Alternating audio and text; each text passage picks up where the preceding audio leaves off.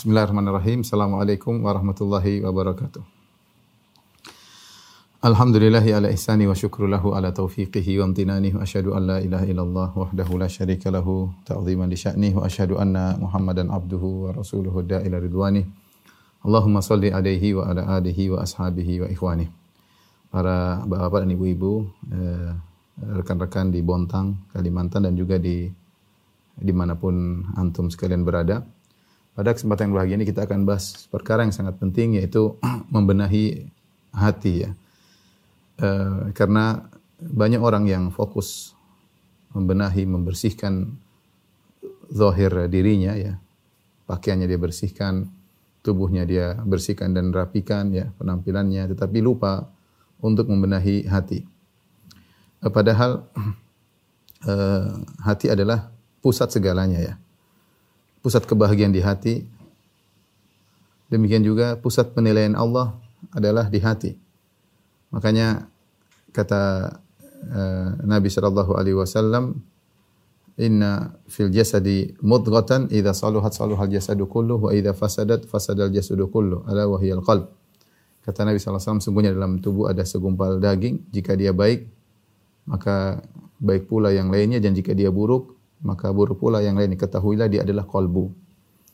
Kemudian juga uh, dalam uh, hadis yang lain Rasulullah SAW mengatakan Inna Allah la yanzuru ila suwarikum wala ila ajsamikum walakin yanzur ila qulubikum wa amalikum. Sungguhnya Allah tidak melihat kepada rupa kalian dan Allah tidak melihat kepada paras kalian.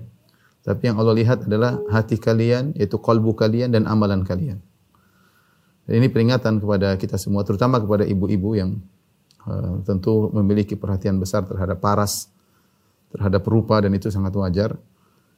Dan itu perkara yang baik. Tapi jangan lupa yang perlu diperhatikan lebih lagi adalah al-qulub, yaitu masalah uh, kolbu hati hati seseorang.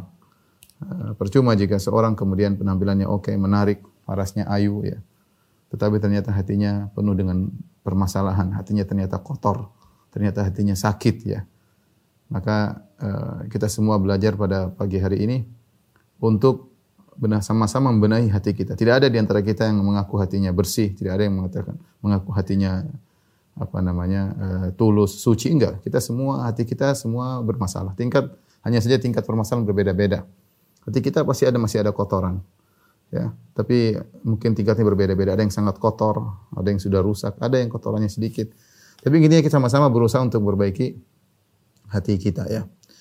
E, oleh karenanya pada kesempatan kali ini kita akan bahas tentang hati yang bersih atau qalbun salim atau disebut juga dengan salamatus sadar, dada yang bersih, dada yang selamat, hati yang selamat. Istilah-istilah yang disampaikan oleh para ulama yang intinya membahas tentang bagaimana pentingnya membersihkan hati, e, apa manfaat bersihkan hati dan apa bahaya kalau hati itu kotor. Insya Allah kita akan bahas pada Eh, kesempatan kali ini. Uh, Bapak-bapak dan Ibu dirahmati Allah Subhanahu wa taala, Al-Qur'an dan hadis uh, memotivasi kita untuk bersihkan hati ya. Uh, salim ya.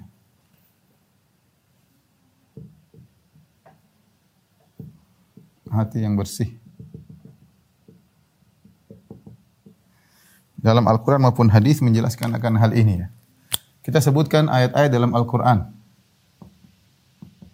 tentang hati yang bersih eh, banyak sekali. Di antaranya Allah Subhanahu wa taala eh, berfirman eh, tentang apa namanya firman Allah Subhanahu wa taala yauma la yanfa'u malun wala banun illa man atallah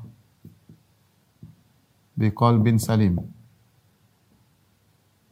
Kata Allah Subhanahu wa taala, hari tidak bermanfaat harta dan anak-anak. Yang bermanfaat siapa? Illa man atallah biqalbin salim.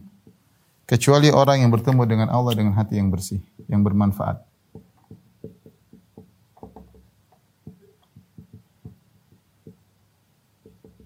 Dengan hati yang bersih. Hati yang bersih, yang selamat. Sebenarnya kalau salim itu artinya selamat ya. Selamat selamat dari berbagai macam penyakit, berbagai kotoran. Ya, salim itu dalam bahasa Arab artinya selamat ya. Ini menunjukkan pentingnya eh, hati karena dia akan menjadi pusat penilaian pada hari kiamat kelak. Seorang benar-benar bisa mendapatkan manfaat pada hari kiamat jika dia memiliki hati yang yang bersih. Maka jangan terpedaya dengan indahnya penampilan kalau ternyata uh, hatinya adalah hati yang kotor atau hati yang yang rusak. Ya. Di antara juga firman Allah Subhanahu wa taala wa inna min syi'atihi la Ibrahim.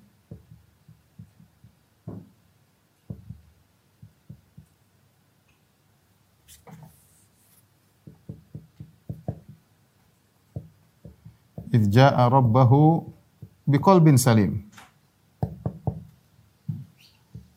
Di antara yang sama dengan Nabi Nuh alaihissalam adalah Ibrahim. Ibrahim itu termasuk pengikut Nabi Nuh alaihissalam yaitu bersama sama-sama kepada tauhid. Idh ja'a rabbahu biqalbin salim. Ibrahim ketika menemui Robnya dengan hati yang selamat. Subhanallah kalau kita kalau kita renungkan tentang kisah Nabi Ibrahim alaihissalam, benar-benar beliau memiliki hati yang bersih. Ya, beliau dimusuhi oleh kaumnya, dimusuhi oleh satu negeri, dimusuhi oleh bapaknya. Tapi tidak ada Nabi Ibrahim me, apa namanya mendoakan keburukan bagi mereka, tidak ada. Ya. Bahkan Ibrahim ketika dimusuhi bapaknya, ya, dia apa namanya uh, apa namanya uh, Ketika bapaknya mengatakan, La illam tantahi ya Ibrahim, la arjumannak. Aku akan merajam engkau kalau kau tidak berhenti. Qala salamun alaik. Kata dia, keselamatan bagimu, hai uh, ayahku. Ya. Ketika dia diusir dari Babil, dia tidak tidak juga mendoakan keburukan, Ya Allah hancurkanlah kaum kunda. Dia keluar dengan hati yang bersih, dengan tidak ada dengki, tidak ada hasad, tidak ada ngamuk-ngamuk. Ya. Ya, makanya uh, Allah Allah mensifati Ibrahim lah halimun. Halim itu mudah memaafkan. Mudah maafkan. Disebutkan dalam buku tafsir Ibrahim alaihissalam kalau ada yang mencaci maki dia, mencela dia hanya mengatakan hadakallah, semoga Allah beri hidayah kepadamu. Hatinya hatinya bersih ya. Hatinya bersih. Dalam menghadapi permasalahan hatinya bersih. Sampai dalam permasalahan keluarga pun hatinya tenang. Bagaimana terjadi kecemburuan antara Sarah dengan Hajar. Tapi Ibrahim tidak disebutkan dia ngamuk-ngamuk sama Sarah, ngamuk-ngamuk sama Hajar. Enggak. Hatinya bersih dan ini modal besar bagi seorang uh, pendakwah memiliki hati yang uh, yang bersih. Karena yang dihadapi oleh pendakwa banyak sekali permasalahan ya. Tapi Allah memuji Ibrahim karena memiliki hati yang salim, hati yang bersih. Tentunya ketika kita bicara tentang bersihnya hati, paling penting adalah bersih daripada kesyirikan. Bersih dari kesyirikan, memiliki tawakal yang tinggi ya. Tapi di antaranya adalah bersih dari penyakit-penyakit hati ya. Contoh juga dalam Al-Qur'an ya. Uh, Allah menyebutkan tentang Ciri penghuni surga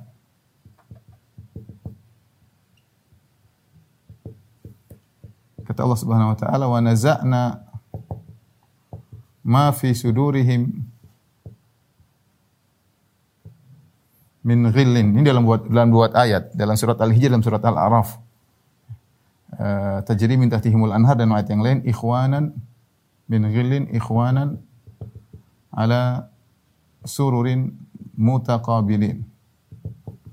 Kata Allah Subhanahu wa taala, kami cabut dari dada-dada mereka penyakit hati ghil.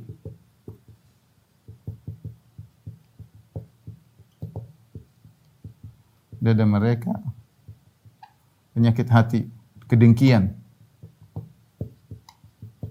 Dengki. Sehingga jadilah mereka ikhwanan ala suri mutaqabilin. Jadilah mereka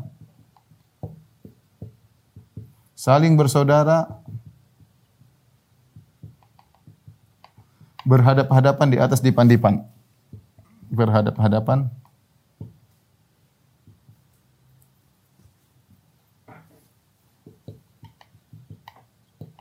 di atas dipan-dipan. Uh, Ibnu Atiyah ya dalam kitabnya Al-Muharrar Al-Wajiz dalam tafsirnya menyebutkan di antara kenikmatan yang Allah sebutkan di surga adalah nikmat salamatu sadar, nikmat hati yang bersih. Kenapa? Karena beliau mengatakan orang yang hatinya kotor, hatinya bermasalah, muta'adzib, tersiksa. Orang yang hatinya berpenyakit itu tersiksa. Ada kedengkolan, kejeng, kejengkelan, dendam, tidak memaafkan, hasad. Itu orang yang tersiksa. Makanya orang orang penghuni surga tidak boleh punya hati seperti itu. Allah bersihkan dada mereka, ya. Sehingga mereka bisa bahagia. Buktinya kata Allah ikhwanan ala sururi mutaqabilin. Mereka berhadapan di antara mereka saling saling berbicara, saling berhadap-hadapan. Karena dia tidak punya rasa dengki kepada temannya. Kalau kita ketemu orang kita nggak suka sama dia, mungkin kita ngomong sambil lihat ke bawah, mungkin sambil wajah merendahkan, mungkin dengan wajah sinis. Tapi Allah sebutkan bagaimana penghuni surga mereka berhadapan berbicara di antara mereka dengan semangat, dengan senang seperti ketemu teman yang yang membahagiakan. Gimana sih? Yang ngobrol dengan senang. Itu di antara kenikmatan di surga adalah nikmat salamatu sadar, nikmat hati yang bersih, hati yang selamat dari berbagai macam uh, penyakit. Kemudian dalam Al-Quran juga Allah sebutkan tentang uh, ciri-ciri ya. Ketika Allah menyebut tentang uh, kaum muhajirin kaum ansar kata Allah Subhanahu wa taala ya lil fuqara il muhajirin alladziina ukhriju min diyarihim amwalihim yabtaguna fadlan min Allah wa ridwana wa yansuruna Allah wa rasulahu ulaika humus shadiqun wal ladziina tabawwa'u ad-dara wal imana min qablihim yuhibbuna man hajara ilaihim wa la yajiduna fi sudurihim hajatan mimma utu wa yu'thiruna 'ala anfusihim walau kana bihim khasasah wa may yuqashuha nafsihi fa ulaika humul muflihun wal ladziina ja'u min ba'dihim yaquluna rabbana ighfir lana wa li ikhwanil ladziina sabaquna bil iman wa la taj'al fi qulubina ghillan lil ladziina amanu rabbana innaka ra'ufur rahim dalam surat Hasyr Allah sebutkan enggak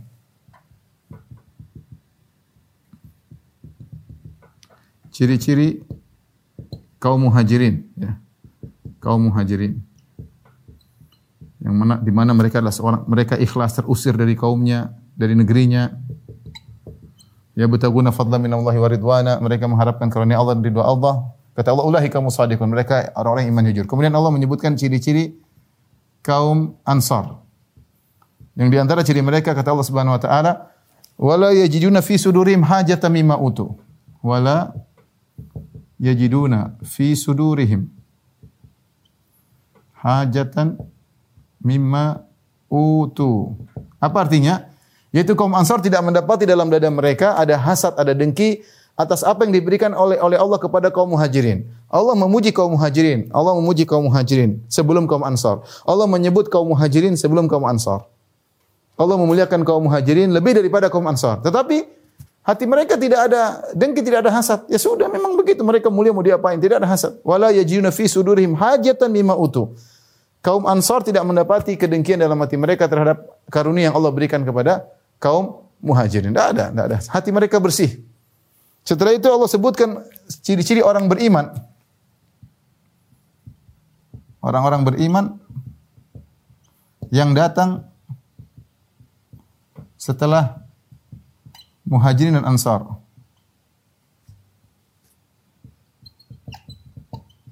Apa kata Allah Subhanahu wa taala? Walladzina ja'u min ba'dim yaquluna rabbana ighfir lana. Mereka berdoa doa, doa mereka yaquluna rabbana ighfir lana wa li ikhwanina. Ya. Yaquluna rabbana ighfir lana ighfir lana wa li ikhwanina alladzina sabaquna bil iman.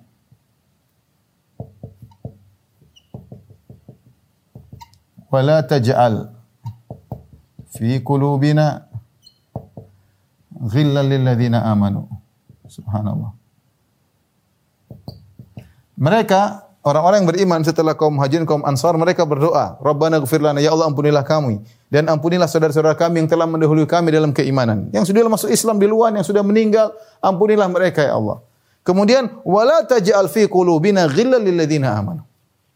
Wala taj'al fi qulubina. Jangan, jangan jadikan dalam hati kami ada ghil, ada kedongkolan, kejengkelan, jangan. Ya. Kepada orang yang beriman, beriman sudah enggak usah. Meskipun dia salah sama kita, meskipun dia melakukan kesalahan kita, kita sikapi kesalahannya dengan sesuai syariat, tapi tidak harus kita dongkol sama dia, tidak harus kita dendam sama dia. Ya. Tidak harus dendam sama sama dia. Ya. Dan jangan jadikan dalam hati kami ada ghil. Ini doa mereka, doa yang tulus dari mereka. Sampai Allah sebutkan doa ini. Mereka tentu orang-orang beriman banyak doanya kan, banyak. Mereka punya doa banyak. Tapi Allah sebutkan secara khusus doa ini agar hati tidak menjadi dengki. Ini menunjukkan keistimewaan. Oleh karenanya di antara agar menjadikan hati kita bersih, kita berdoa dengan doa uh, uh, doa ini yaitu wala taj'al fi qulubina ghillan lil ladzina amanu. Ya Allah jangan jadikan dalam hati kami ada rasa dengki kepada orang-orang yang uh, yang beriman, rasa jengkel kepada orang-orang yang uh, yang beriman. Ini di antara ayat-ayat ya uh, yang menunjukkan tentang pentingnya hati yang bersih, hati yang selamat ya. Di antaranya sebenarnya juga menyebutkan tentang misalnya doa Nabi Musa.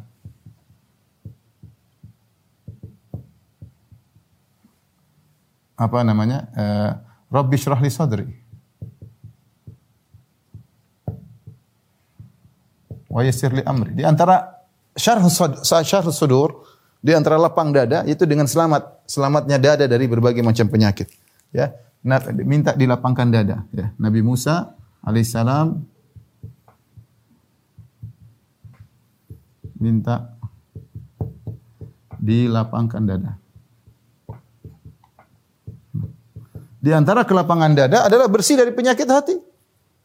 Lihat Nabi Musa alaihissalam ketika mendakwai Firaun dia tidak tidak tidak murka, tidak dongkol. Ini dakwah dia, dia tidak apa namanya dia dakwah dengan tenang.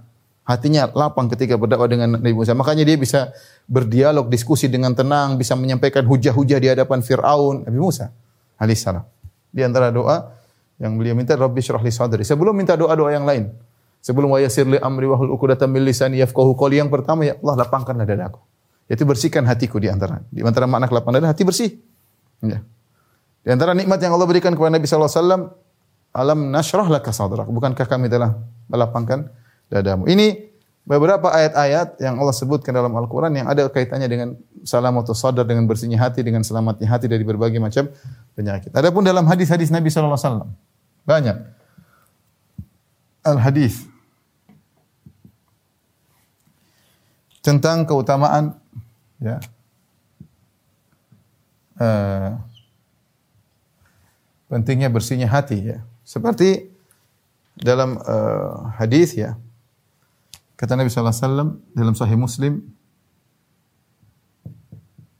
yadkhulul jannata aqwamun afidatuhum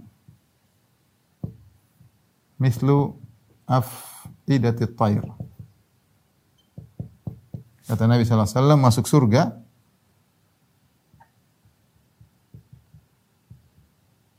suatu kaum yang hati mereka seperti hati burung. Eh, para ulama ketika menyebutkan Rasulullah pernah mengatakan masuk surga satu kaum yang hati mereka seperti hati burung. Apa seperti hati burung? Ada beberapa tafsiran. Ada yang mengatakan burung bertawakal. Ya. Di antaranya ada yang mengatakan takut kepada Allah. Karena burung baru diusir sedikit sudah ini dia takut kepada Allah, takut kepada Allah. Demikian juga uh, apa namanya seorang yang beriman di antaranya khulul qulub seperti perkataan dari uh, apa namanya uh, Mula Ali Al-Qari dia mengatakan bersihnya hati dari dari dengki, hasad dan lain-lain. Burung tidak ada sifat-sifat gitu. Tidak ada dengki sama burung yang lain, tidak ada hasad sama burung yang lain. Enggak, hatinya berseperti hati burung ya. Jadi antara uh, apa namanya pentingnya hati yang yang bersih. Kemudian dalam hadis ya. Rasulullah SAW ketika ditanya Man afdolun nas? Afdolun nas, siapa manusia terbaik? Rasulullah SAW mengatakan, Kullu mahmumul qalb saduqul lisan. Saduqil lisan. Para mengatakan, Ya Rasulullah, saduqul lisan na'rifuhu, fama mahmumul qalb. Apa maksudnya mahmumul qalb? Mahmumul qalb. Mahmul qaul kata Nabi sallallahu alaihi wasallam yaitu uh, huwa taqiyyu an-naqi ya laisa fihi uh, baghi wala wala hasad. Kata Nabi sallallahu alaihi wasallam hati yang mahmum, mahmum itu sudah secara bahasa Arab artinya hati hati yang disapu. Karena kalau kita bilang khamamtul bait ai kanastuhu. Khamamtul bait bahasa Arab artinya kanastu itu aku membersihkan menyapu menyapu rumah. Aku bersihkan dari berbagai macam kotoran, ya. Jadi itulah mahmumul qalb yaitu hati yang bertakwa, bersih, tidak ada dong apa dengki eh, dan hasad. Tidak ada. Ini yang kata Nabi afdolun nas, manusia terbaik. Afdolun nas. Manusia terbaik ini yang hatinya seperti ini. Hatinya yang bersih. Tidak ada dongkolnya, tidak ada dendamnya, tidak ada hasadnya. Ini hati yang yang yang yang bersih yang merupakan orang yang memiliki hati seperti ini adalah afdhalun nas, orang yang terbaik. Nah, kita ingin menjadi orang yang paling terbaik. Ya caranya begini. Mahmumul qalb, mahmumul. Sama kita punya rumah, pasti ada kotoran, ada angin lewat, kotoran masuk. Harus tiap hari disapu. Kalau nggak disapu, numpuk itu kotoran di rumah. Rasulullah menggambarkan hati itu seperti rumah yang butuh dibersihkan. Kita hidup di atas muka bumi ini banyak sekali sebab-sebab yang buat hati kita bisa kotor. Apa yang kita lihat, apa yang kita dengar, pertikan antara kita dengan orang lain, eh, mendengar kezaliman, mendengar macam-macam membuat hati kita ini kotor. Harus kita bersihkan dan itu butuh usaha. Sebagaimana rumah yang harus dibersihkan setiap setiap hari. Makanya Rasulullah SAW mengatakan kullu mahmumil qalb sadukul lisan. Sadukul lisan. Kemudian juga di antaranya adalah uh, kisah sahabat yang dijamin masuk surga.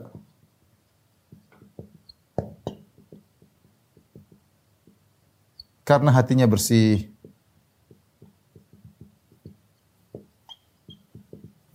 Suatu hari Rasulullah SAW mengatakan kepada para sahabat, Yatlu alaikumul an rajul min ahli jannah. Akan keluar sekarang seorang penghuni surga. Tiba-tiba keluar seorang ansari dari sahabat dari kaum ansar. Dia baru saja berwudu, dia pegang sendalnya, kemudian jenggotnya masih mengalir bekas wudhunya. Para sahabat lihat, oh ini penghuni surga. Nabi uh, telah menetapkan statusnya penghuni surga. Besoknya Rasulullah SAW ngobrol dengan para sahabat atau menyampaikan wejangan. Tiba-tiba Rasulullah ngomong perkataan yang sama. Yatlu alaikumul ana rajulun min ahli jannah. Akan muncul sekarang seorang penghuni surga. Tiba-tiba orang itu muncul lagi. Sama modelnya. Dia pegang sendalnya. Kemudian dia baru selesai berwudu. Sementara air wudunya masih menetes di jenggotnya. Besoknya Rasulullah lagi kumpul dengan para sahabat. Rasulullah mengucapkan perkataan yang sama. Yatlu alaikumul ana rajulun min ahli jannah. Akan keluar sekarang seorang penghuni surga. Subhanallah orang itu muncul lagi. Maka ada seorang sahabatnya Abdullah bin Amr bin As penasaran. Dia ingin tahu ini orang ini apa sih amalannya yang buat dia di, di, ditetapkan statusnya oleh Nabi SAW penghuni surga sampai tiga kali. Tiga hari berturut-turut tiga kali. Tapi satu kali sudah cukup sebenarnya. Rasulullah Sadiqul masduq pasti benar. Ini Rasulullah sampai tekankan tiga kali, tiga hari. Maka dia pura-pura, dia bilang si fulan, wahai fulan, dia ikuti diikuti sampai di rumahnya, saya ada masalah dengan bapak saya. Saya sudah bersumpah tidak tidur di rumah bapak. Boleh saya tidur di sini? Boleh. Akhirnya di sini tidur. Abdullah bin Amr bin As radhiyallahu radhiyallahu anhu ingin ngecek apa sih ibadah dia. Ternyata orang ini biasa-biasa saja. Siang dia tidak puasa, malam juga tidak sholat malam. Ya. Cuma kalau dia terjaga dia ingat Allah Subhanahu Wa Taala. Selama tiga hari, mungkin ada amalan saya tidak tahu. Selama tiga hari. Kemudian setelah tiga hari dia kayaknya nggak ada apa-apa. Dia ngaku, dia bilang, wahai fulan. Sebenarnya nggak ada masalah antara saya dan bapak saya. Cuma saya heran, Rasulullah bilang, kamu penghuni surga tiga kali. Apa amal engkau? Kata dia mengatakan, tidak saya tidak punya amal. Ilama ro'ait, apa yang kulihat itulah amalku. Ya maksudnya tidak ada apa-apanya, tidak, tidak, tidak ada istimewa. Tidak bukan, bukan juga rajin bersedekah, bukan juga dia tidak bukan juga kemudian siang puasa sunnah macam-macam. Enggak biasa aja, saya enggak ada masalah, kayak enggak ada apa-apa. Ya, hampir-hampir Abdullah bin Amr bin As merendahkan amalan dia. Enggak ada, kata dia enggak ada yang kau lihat saja. Falamma itu tatkala saya pergi, saya tidak mendapatkan apa-apa, ya sudah gitu aja ternyata orangnya. Nah, ada nih dia panggil saya. Eh Abdullah sini. Tidak saya tidak punya amal kecuali apa yang kau lihat. Hanya saja dia sebutkan satu satu amal dia spesial yang orang tidak lihat itu dalam masalah hati.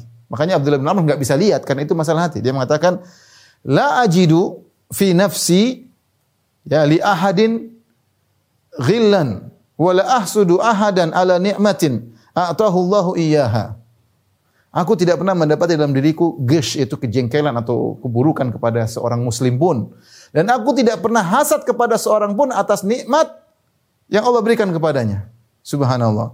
Aku tidak pernah hatiku tidak pernah bermasalah dengan orang lain dan aku tidak pernah hasad kepada seorang pun yang Allah berikan nikmat kepadanya.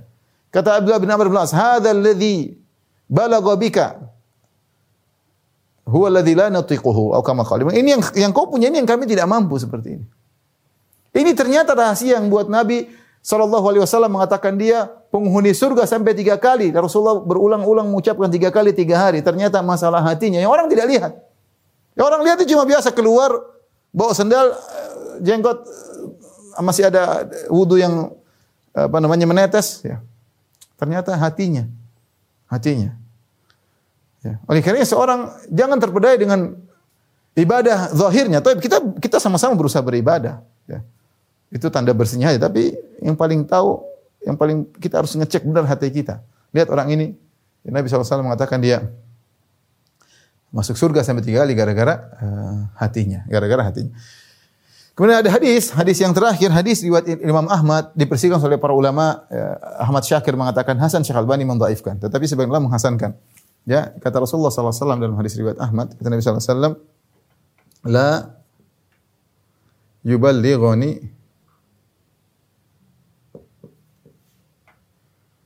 uh, ahadun min ashabi min uh, an ahadin syai'an fa inni uhibbu an akhruja ilaikum wa ana salimus sadar Kata Nabi SAW, janganlah seseorang dari kalian menyampaikan kepadaku tentang seorang, sesuatu pun dari orang lain. Ya. Janganlah salah seorang dari kalian dari kalian dari sahabatku menyampaikan kepada aku tentang sesuatu pun tentang orang lain, sesuatu pun tentang orang lain, sesuatu pun tentang orang lain.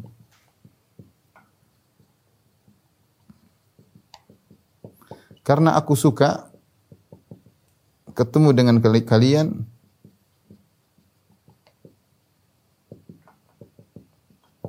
dengan hati yang bersih. Salimus sadar, hati yang bersih.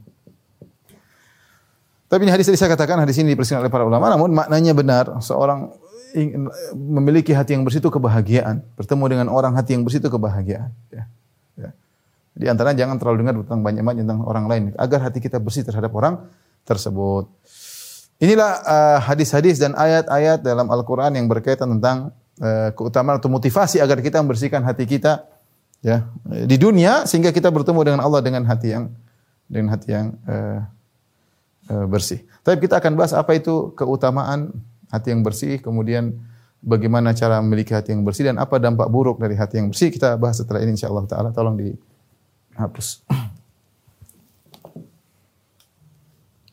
Tapi kita akan bahas keutamaan uh, hati yang bersih ya.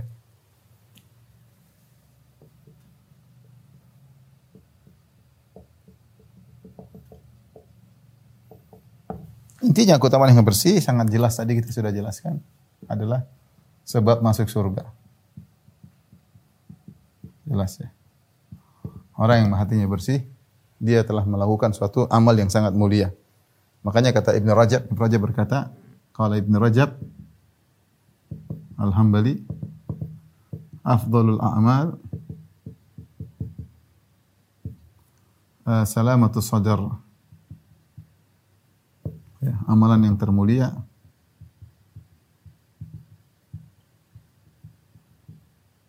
adalah bersihnya hati.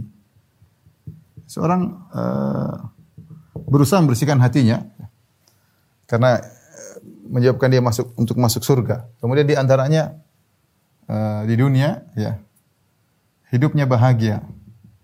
Hidupnya bahagia ya.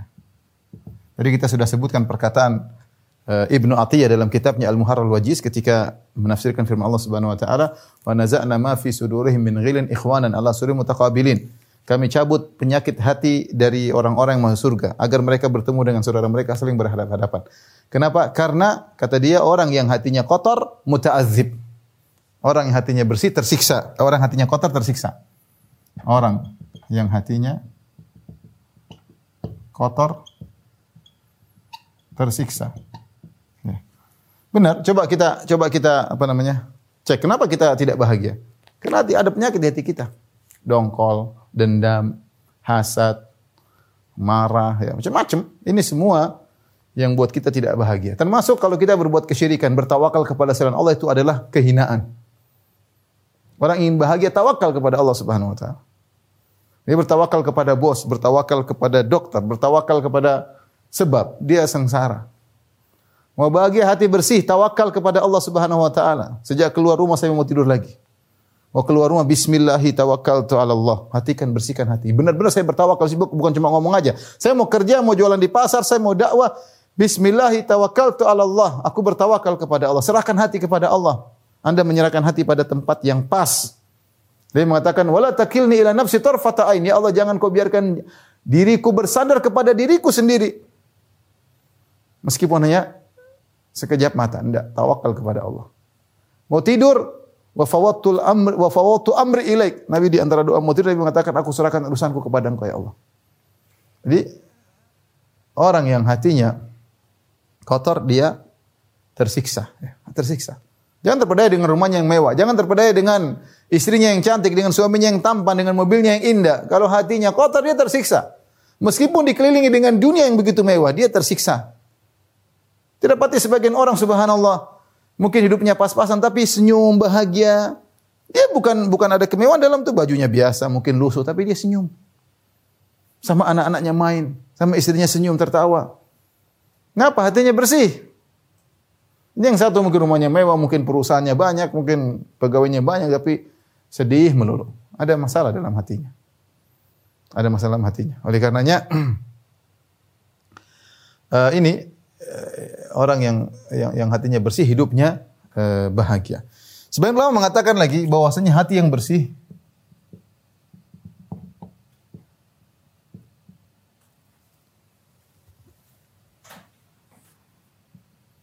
adalah sebab meraih kejayaan. Ya, contohnya adalah para nabi. Ya. Di antaranya contohnya Nabi Nabi Yusuf alaihissalam. Contohnya Nabi Yusuf alaihissalam.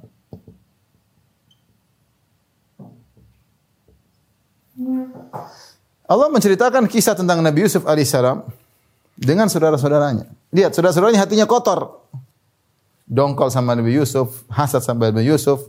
Nabi Yusuf enggak. Meskipun saudara-saudaranya jengkel sama dia, dia hatinya bersih. Dia tidak membalas kedengkian mereka dengan dengki. Dia tidak membalas hasad mereka dengan hasad. Makanya dia mengatakan, sallallahu alaihi wasallam bersabda, La tahasadu. Jangan kalian saling hasad-hasatan. Karena terkadang kalau orang hasad sama kita, kita juga hasad sama dia. jangan.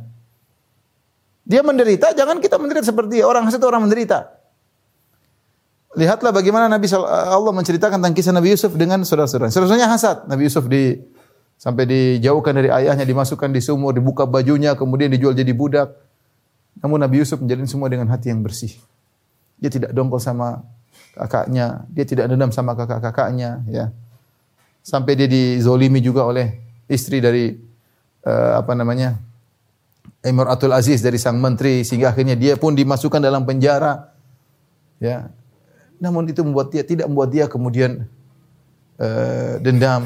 Tidak ada kita sebutkan dalam tidak ada disebut dalam kisah Nabi Yusuf alaihissalam ketika dia kemudian telah menjadi uh, ala khazainil ardi menjadi bendaharawan Mesir kemudian dia bilang ya raja itu istri menteri dulu zalim sama saya hukum dia. Tidak ada Nabi Yusuf ngomong gitu enggak ada. Padahal gara-gara istri menteri tersebut Nabi Yusuf di penjara ada yang mau tujuh tahun ada yang mengatakan 14 tahun di penjara sehari aja nggak enak apalagi bertahun-tahun. Kenapa? Karena Nabi Yusuf punya hati yang bersih. Itu yang susah. Hati yang bersih. Dia tidak dendam. Makanya ketika dia sudah menjadi bendaharawan Mesir, kemudian kakak-kakaknya datang, saatnya dia bisa untuk membalas. Dia tidak balas. Dia mengatakan, La tathriba alaikum liyom. Ya gufirullahu lakum. Dia, dia dizolimi. Dizolimi sehingga terpisah dari bapaknya puluhan tahun. Gara-gara dia dizolimi sampai dia di penjara belasan tahun. Apakah dia marah sama kakaknya gara-gara kalian gini? Enggak. La tathriba alaikum al-yawm yaghfirullahu lakum. Tidak ada cercaan bagi kalian hari ini. Allah ampuni dosa-dosa kalian. Hati yang bersih. Hati yang kotor binasa kakak-kakaknya, tidak mendapatkan apa-apa. Hati yang bersih meraih kejayaan. Kejayaannya.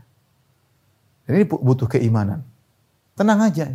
Anda dalam dakwah ada orang hasad sama Anda, jangan balas hasad dengan hasad. Jangan balas mulut kotor dengan mulut kotor, nggak perlu, nggak perlu. Terjalan aja, nggak apa-apa. Anda tidak dimuliakan manusia, Anda akan dimuliakan oleh Allah Subhanahu Wa Taala. Tenang aja. Lihat contoh nyata Allah berikan Nabi Yusuf alaihissalam bagaimana hatinya yang bersih, hatinya yang lapang, hatinya yang luas. Ya. Membuat dia apa namanya? meraih kejayaan. Meraih kejayaan.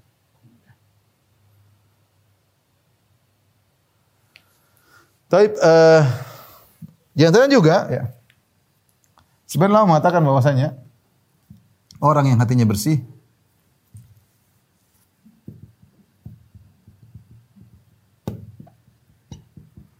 uh, disukai oleh disukai oleh manusia, dicintai oleh manusia.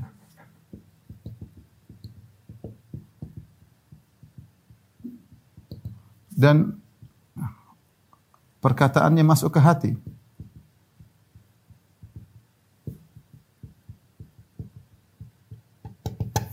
Ini ikhwan, kita dalam kehidupan ini tentunya banyak hal yang kita lihat, banyak yang kita dengar. Kita berusaha, berusaha. Masa ini uh, kita kalau agar omongan kita bisa didengar, agar masuk ke hati. Kalau orang dari hati keluar ke hati.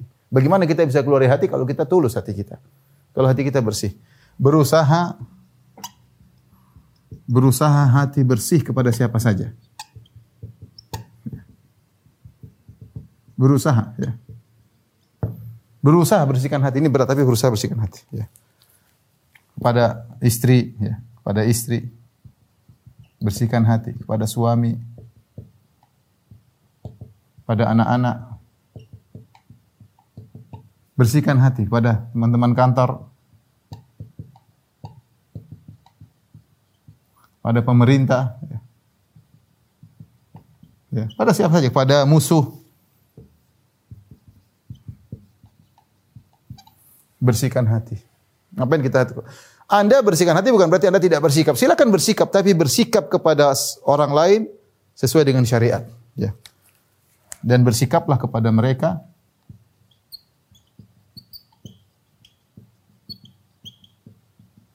sesuai koridor syariat.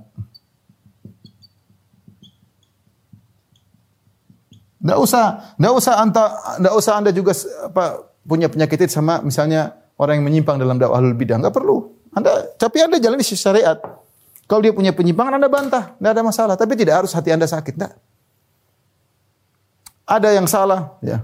Kalau ada misalnya misalnya pemerintah punya kesalahan, tegur dengan baik, cara yang baik. Tidak perlu harus sakit hati, tidak perlu. Tidak perlu harus hati ini kotor, tidak.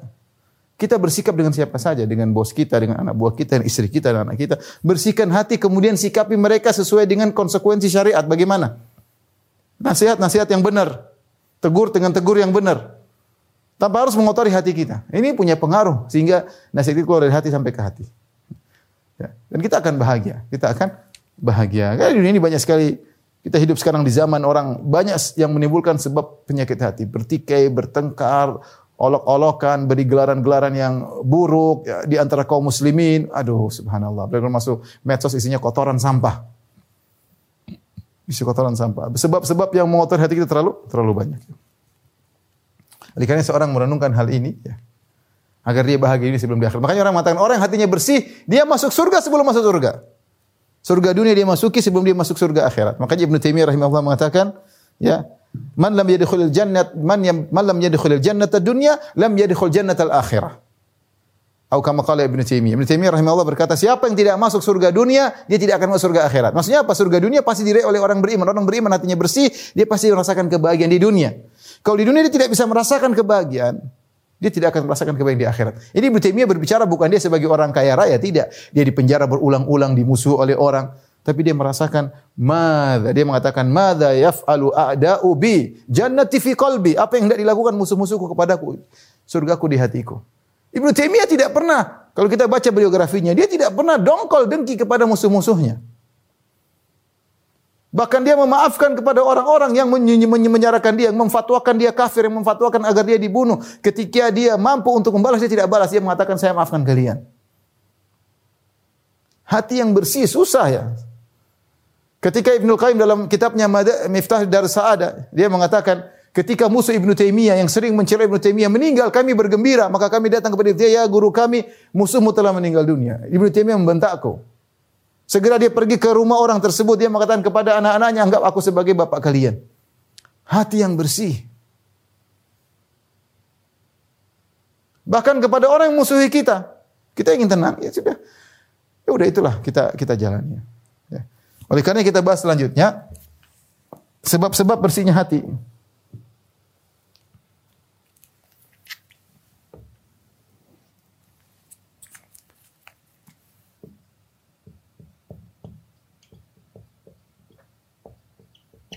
Apa sih sebab bersihnya hati?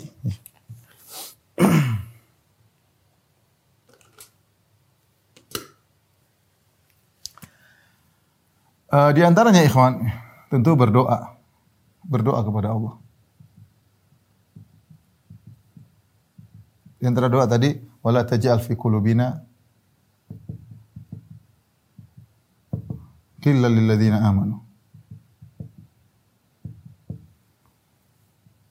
Di antara doa waslul seperti doa Nabi sallallahu alaihi wasallam waslul sakhimata qalbi.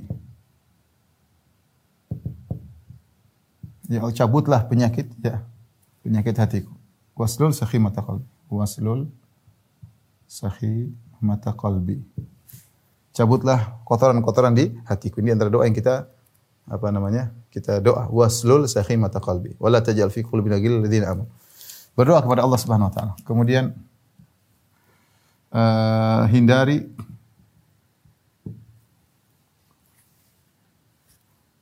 perkara-perkara yang bukan urusan kita.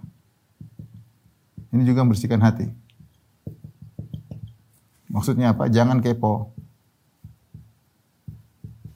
Nabi mengatakan, min husni islamil mar'i tarkuhu ma la ya'ni min husni islamil mar'i tarkuhu ma la ya'ni di antara keelokan Islam seorang meninggalkan yang bukan urusannya. Kita hidup di dunia ledakan informasi, ya. Ledakan informasi itu sangat banyak, ya. Nah, kita main medsos, ingin tahu berita ini, ingin tahu berita ini, ingin tahu berita artis ini, ingin tahu berita koruptor ini, ingin tahu berita ini, ingin tahu berita luar negeri. Ini kepo namanya. Ini bikin hati kotor. Tahu keburukan orang, tahu ini, tahu anu, tahu ini ya. Kita secara global aja, bukannya kita tidak tahu perkembangan ini, tahu tapi secara global. Yang detail kita perlu, kalau perlu bagi kita kita perlu tahu silakan detail. Ya. Seperti kemarin saya kepo juga, saya ingin lihat tentang orang yang menggambar Nabi kemudian meninggal. Saya ingin tahu meninggalnya kayak apa. Itu saya kepo. Saya bilang tolong kirimkan video kepada saya lihat bagaimana cara dia meninggal. Terbakar. Nah karena ini ada menurut saya menambah iman saya ya. Enggak ada masalah. Tapi tidak semua perkara harus kita harus tahu kepo, harus ini ini enggak enggak. Kalau kita mau kepoin semua terlalu banyak, mau habis buang waktu, buang umur, membuang-buang umur hanya mematikan hati. Membuang-buang umur hanya mematikan hati. Ibu-ibu terutama ya. Jangan tahu artis ini bagaimana, ini cerai kenapa. itu ibu biasanya tahu masalah gitu. Jangan buang-buang umur mending baca Quran. Ya. Jadi di antara bersihnya hati hindari perkara yang bukan urusan urusan kita hindari ya dengar cerita keburukan orang lain. Tadi hadis Nabi SAW, La yuballighuni uh, ahadun min ashabi an ahadin syai'an. Wa inni, inni uhibbu an akhruja ilaikum wa ana salimu sadar. Jangan seorang pun menyampaikan kepada aku tentang keburukan orang lain. Aku ingin keluar bertemu kalian dengan hati yang bersih. Hindari majelis gibah, hindari majelis namimah. Kalau di grup ada majelis gibah tinggalkan, left dengan cara baik mohon maaf saya gini saya tidak bisa lagi. Terima kasih atas kebersamaan kita selama ini. Semoga majelis kita majelis menambah keimanan, ketakwaan yang dijauhkan dari majelis-majelis yang menambah dosa. Assalamualaikum. Nah, ngapain ngapain punya teman kemudian merusak mengotori hati kita? Enggak perlu. Enggak perlu. Ya, orang kalau datang sama saya, Ustaz mau dengar, saya enggak mau dengar. Namun ter terkadang saya sering harus mendengar permasalahan orang karena ada mereka minta cari solusi. Asalnya saya nggak mau dengar. Kalau dengar saya jengkel, saya gini. Tapi harus saya dengar untuk cari solusi. Kalau bisa kita nggak dengar nggak usah. Ngapain? Nggak usah. Hati jadi bersih. Kita fokus baca Quran, fokus melayani suami, eh, fokus berkhidmat kepada apa namanya mengayomi istri, bisa fokus mengayom, mengayom, apa, mengayomi anak-anak, hati kita hati kita bersih. Jadi hindari dengar cerita tentang keburukan apa orang lain. Dia. Beriman kepada takdir ini penting juga. Hati, hati bersih. Terutama ketika kita dizalimi.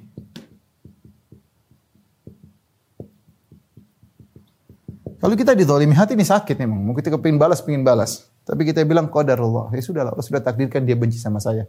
Allah sudah takdirkan dia ngejek saya. Oh dia apa ini karena dosa-dosa saya, karena kesalahan saya. Ini akan mengukurkan dosa. Beriman kepada takdir. Itu sangat mudah membersihkan hati kita. Ya. Ya. Kita mengatakan sudah qadarullah masyafa'al. Ya. Yahdi qalbah. Kata Allah, "Wa man yu'min billahi yahdi qalbah." Siapa yang ketika ditimpa musibah, dia beriman kepada Allah, di antaranya dia tahu, "Hadza min indillah." Ini semua dari Allah, Allah yang menentukan. Kata Allah, "Yahdi qalbah." Allah akan berikan petunjuk kepada hatinya. Allah akan beri hidayah kepada hatinya. Hatinya akan bersih. Kita bisa tersenyum sama orang yang apa namanya jengkel sama kita, yang zalim sama kita masih bisa tersenyum kalau kita yang benar bersihkan hati hati kita. Jadi beriman kepada takdir ini adalah perkara yang sangat penting agar hati kita menjadi uh, menjadi bersih. Mudah memaafkan, paksa diri, latih diri untuk biasa memaafkan. Ini katanya juga dengan takdir uh, jangan kita dalam hati kita jengkel sama orang. Ya. Kalau kita renungkan sekarang dalam diri kita ini ada ada berapa orang kita jengkel. Teman-teman dekat, ada yang kita jengkel, kita dendam, mungkin kita pengen dia mati segera. Sudah, buang dari hati kita. Kita nggak pingin dalam hati kita ada seorang pun yang kita dendami, nggak ada. Yang kita jengkeli. Bersihkan hati. Siapa pun orang itu zalim sama kita, nggak. Kita mensikapi dia sesuai dengan syariat. Kalau dia salah kita boleh bantah dengan ilmiah, tapi nggak usah kita, nggak usah kita apa sakit tidak usah kita apa namanya ghish apa jengkel sama tidak perlu kita bersihkan hati kita. Tadi contoh Syekhul Islam Ibnu Taimiyah bagaimana dia menghadapi musuh-musuhnya. Dia bantah-bantah secara ilmiah. Tapi bukan karena dia pingin pingin orang itu kemudian sengsara, enggak, enggak ada enggak ada perasaan seperti itu. Ini semua di, sudah berjalan dalam aturan Allah Subhanahu wa taala. Bersihkan hati, hadapi dengan sesuai dengan konsekuensi hukum-hukum syar'i. Tanpa harus hati kita kemudian dendam apa enggak perlu, enggak perlu. Dan mudah memaafkan, mudah memaafkan. Mudah memaafkan sehingga kalau kita mudah memaafkan hati kita menjadi lapang. Ada 10 orang masalah sama anti, coba kan jengkel. Lihat dengar setiap dengar nama dia jengkel. Setiap disebutkan dia berhasil jengkel. Sudah hilangkan itu semua, maafkan semua ya Allah sudah qadarullah. Maafkan semua. Bersihkan. Ada yang ada 10 orang di hati buang semua, buang semua. Ibu ini ini punya masalah 2 tahun lalu, punya masalah 3 tahun lalu. Buang. Sudah, bersihkan hati. Karena ini yang bermanfaat di akhirat kelak. Memang sulit, tapi latih diri. Ini yang bermanfaat. Ya. Yauma la yanfa'u malun wala banun illa man tallaha biqalbin salim. Hari di mana tidak bermanfaat anak-anak dan harta kecuali orang bertemu dengan Allah dengan hati yang yang bersih. Bersihkan, bersihkan hati. Mungkin terakhir di antaranya adalah memberi uzur kepada orang lain. Ini sama dengan maafkan yang bersalah kepada kita. Yang bersalah. Beri uzur, mungkin dia salah ngomong, mungkin dia coba kita di posisi dia, ya kita ya sudah maafkan dia mungkin bikin jengkel hati kita, kita maafkan. Dia juga manusia, saya juga manusia, dia punya salah, saya juga punya salah. Ya mungkin dia baik, cuma salahnya sekali ini. Ya mungkin dia terbawa emosi, mungkin dia terbawa kondisi yang membuat dia sulit sehingga dia mengucap melakukan demikian. Kita berikan kondisi, bagaimana kalau dia di posisi dia, kalau kita di posisi dia. Sehingga kita ya sudahlah nggak apa-apa, sudah terlanjur, ya mau diapain? Ya. Kita mau ngamuk-ngamuk juga tidak merubah keadaan. Ya, jadi beri uzur. Dia salah ngomong kita kasih uzur. La tadhunanna bi kalimatin kharajat min akhika su'an wa anta tajidu laha min al khairi mahmala. Kata Umar, jangan Umar bin Khattab radhiyallahu jangan kau ber, berburuk sangka kepada ucapan yang keluar dari uh, saudaramu ya. Sementara kau masih bisa mencari mahmal yang baik, mencari tafsiran yang baik dari perkataan saudara. Mungkin dia begini, mungkin maksudnya begini, ya. Uh, ini di antara apa namanya uh, sebab-sebab bersihnya hati uh, di antaranya merenungkan juga tentang dampak buruk hati yang bersih, hati yang kotor. Apa dampak buruk hati yang kotor tadi? Sengsara hidup, cepat tua, kolesterol cepat naik, darah tinggi cepat naik, wah hati kotor, wasat dengki, jengkel macam-macam. Aduh, kemaslahatan kita nggak bisa berjalan dengan baik, kita nggak bisa ngurus anak-anak dengan baik, kita tidak bisa bahagia dengan istri kita. Padahal sebab-sebab kebahagiaan, kemewahan dunia ada, kita nggak bahagia. Kenapa kita harus seperti itu? masuk neraka sebelum di akhirat. Jangan.